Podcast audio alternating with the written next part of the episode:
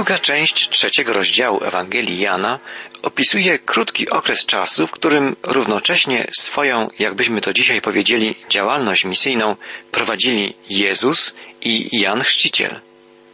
Pamiętamy, że Jezus przebywał w czasie świąt Paschy w Jerozolimie. Od 22 wiersza trzeciego rozdziału Ewangelii Jana czytamy Potem Jezus wraz z uczniami przyszedł do Judei. Tam z nimi przebywał i chrzcił.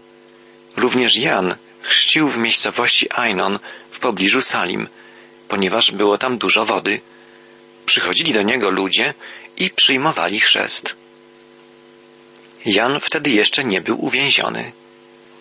Jezus przebywa w Judei i kontynuuje rozpoczętą w Galilei i Jerozolimie działalność, nauczając i udzielając chrztu. Właściwie, jak pisze apostoł Jan w czwartym rozdziale swojej Ewangelii, sam Jezus nie chrzcił przychodzących go wysłuchać ludzi, lecz czynili to jego uczniowie, włączeni poprzez to w jego usługę. Równocześnie chrztu udzielał w dalszym ciągu Jan, nieustannie głosząc, że Królestwo Boże nadchodzi, że przychodzi Mesjasz, Boży Baranek. Okres ten trwał bardzo krótko, bo niedługo po chrzcie Jezusa i próbie kuszenia na pustyni Jan Chrzciciel został aresztowany. Czytamy o tym w pozostałych Ewangeliach. A w Ewangelii Jana od 25 wiersza czytamy dalej. Doszło jednak do sporu z powodu obrzędu oczyszczenia pomiędzy uczniami Jana a pewnym Żydem. Udali się więc do Jana i powiedzieli: Mistrzu, ten, który był z tobą na drugim brzegu Jordanu, o którym świadczyłeś, chrzci tutaj i wszyscy schodzą się do niego. Uczniowie Jana widzą, że tłumy słuchające przedtem kazań ich mistrza teraz idą za Jezusem. W ich sercu rodzi się więc zazdrość. Nie rozumieją tego, co dla Jana jest oczywiste. Jan odpowiedział, nie można mieć niczego ponad to, co daje Bóg. Sami przyznacie, że powiedziałem, iż nie jestem Mesjaszem. Zostałem posłany jedynie przed nim. Panem młodym jest ten, kto się żeni. Drużba u boku nowożeńca, słuchając go, cieszy się jego radością. Takiej właśnie radości doznaję w całej pełni. Jego wpływ musi wzrastać, a mój wpływ maleć. Jan przypomina, że od początku zapowiadał nadejście Mesjasza i to, że został posłany przed nim właśnie po to, by na niego wskazać, by wskazać na niego wszystkim, którzy oczekują na przyjście Bożego Pomazańca. Jan porównuje Chrystusa do Pana Młodego, a siebie określa jako przyjaciela oblubieńca, cieszącego się z jego zaślubin z Panną Młodą. Dla Żydów nie było wątpliwości, że Pan Młody to Mesjasz, bo takiej samej przenośni używali prorocy Starego Testamentu, kiedy zapowiadali nadejście Chrystusa. Kim jest natomiast Panna Młoda? To Kościół. Wszyscy ci, którzy idą za Jezusem, którzy w Niego wierzą, stanowią oblubienicę Pana.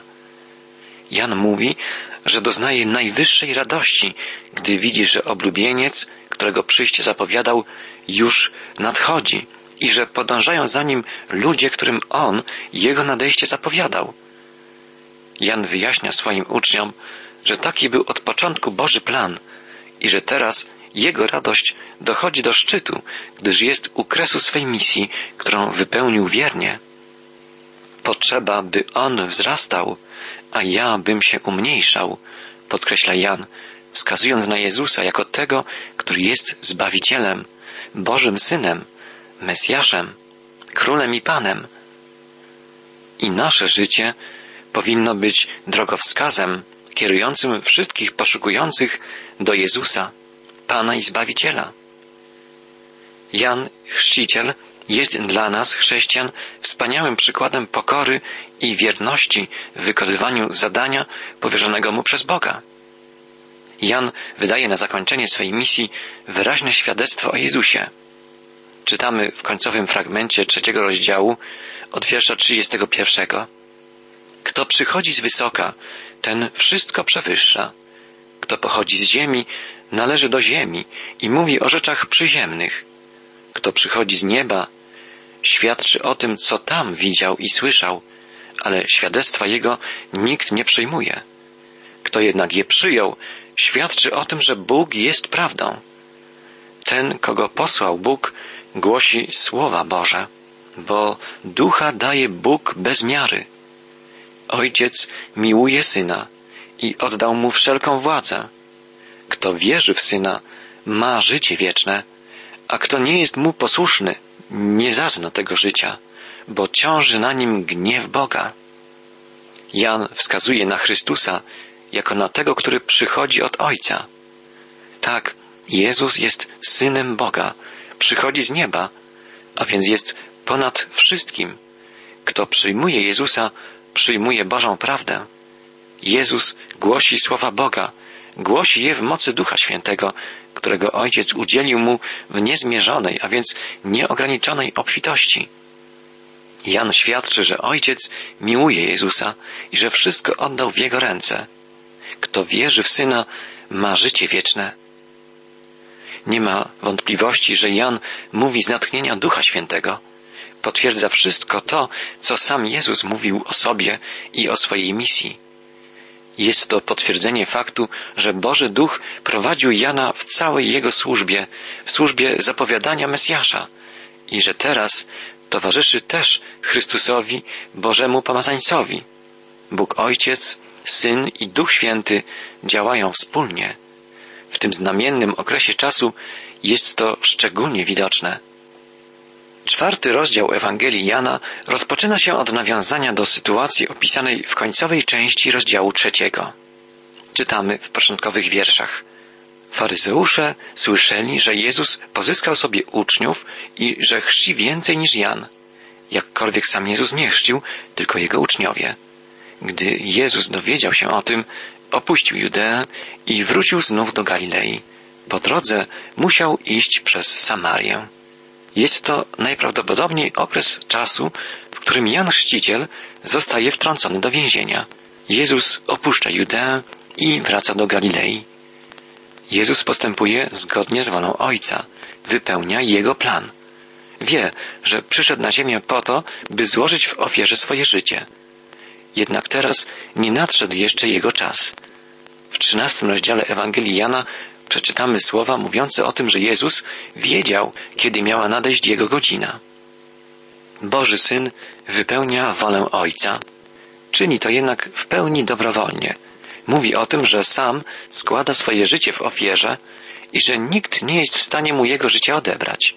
Nikt z jego przeciwników nie mógł go tknąć, dopóki nie nadeszła jego godzina. Jezus wypełnia wolę swego Ojca realizuje jego plan zbawienia, na który dobrowolnie przystał. Wraca do Galilei, gdzie, jak pamiętamy, miał swoją, jakbyśmy to dzisiaj powiedzieli, główną kwaterę działalności misyjnej. Wraca do Kafarnaum. Czytamy jednak, że po drodze musiał iść przez Samarię.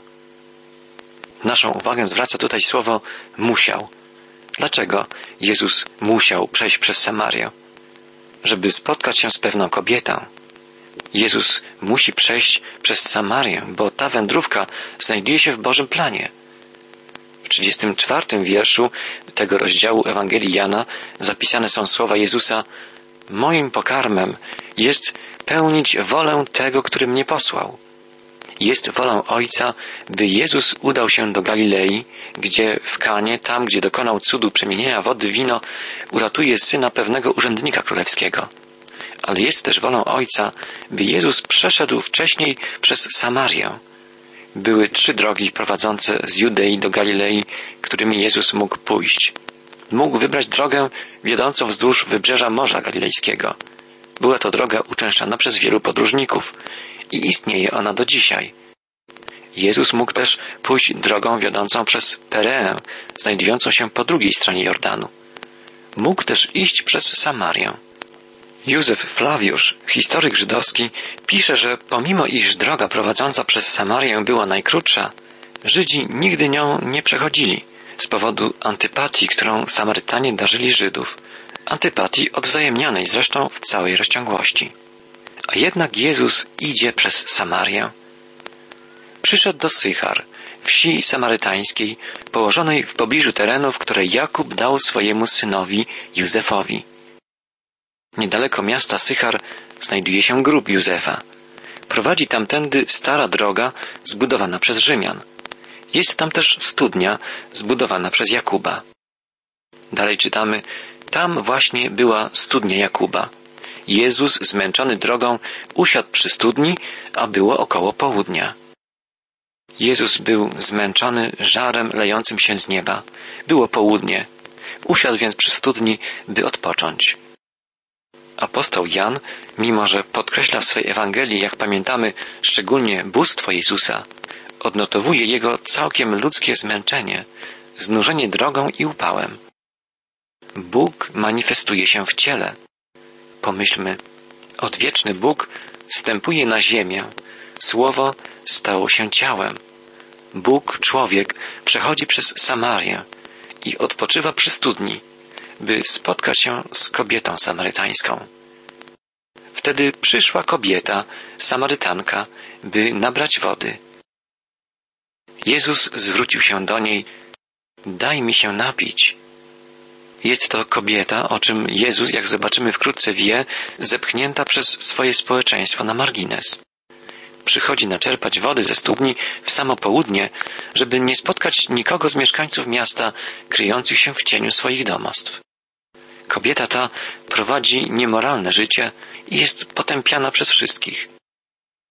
W jakim kontraście pozostaje jej postać z sylwetką Nikodema, szanowanego przez wszystkich żydowskiego dostojnika, z którym Jezus niedawno rozmawiał. Zwróćmy uwagę, jak inaczej zachowuje się wobec niej Jezus. Rozmawiając z Nikodemem, był szorstki, konfrontował go jako człowieka od stóp do głów religijnego z faktami, które demaskowały jego grzeszność. Tutaj Jezus postępuje z najwyższą delikatnością. Postępuje ze współczuciem i miłością. Prosi Samarytankę, daj mi się napić. Zwraca się do niej z pozycji człowieka potrzebującego pomocy.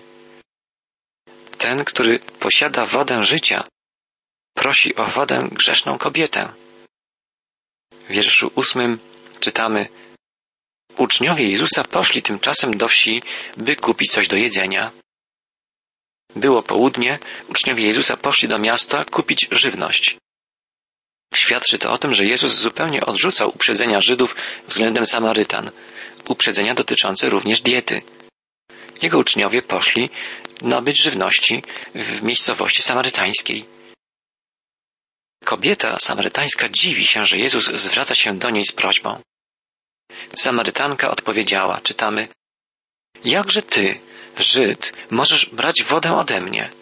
Jestem Samarytanką, a Żydzi przecież nie zadają się z Samarytanami. Żydzi w ogóle nie rozmawiali z Samarytanami, nie mówiąc już na przykład o wypiciu wody z jednego kubka. Samarytanka jest zaskoczona zachowaniem Jezusa. Jezus wie, że musi pokonać dzielącą ich barierę uprzedzeń religijnych, kulturowych i mówi coś, co jeszcze bardziej zaciekawi i tak już zaintrygowaną kobietę. Jezus na to, gdybyś przeczuwała, co Bóg może dać i kim jest ten, co ci to powiedział, daj mi się napić, to poprosiłabyś, a on dałby ci wody wprost ze źródła. Żywą wodą nazywano na wschodzie wodę źródlaną, tak upragnioną przez ludzi żyjących na terenach pustynnych.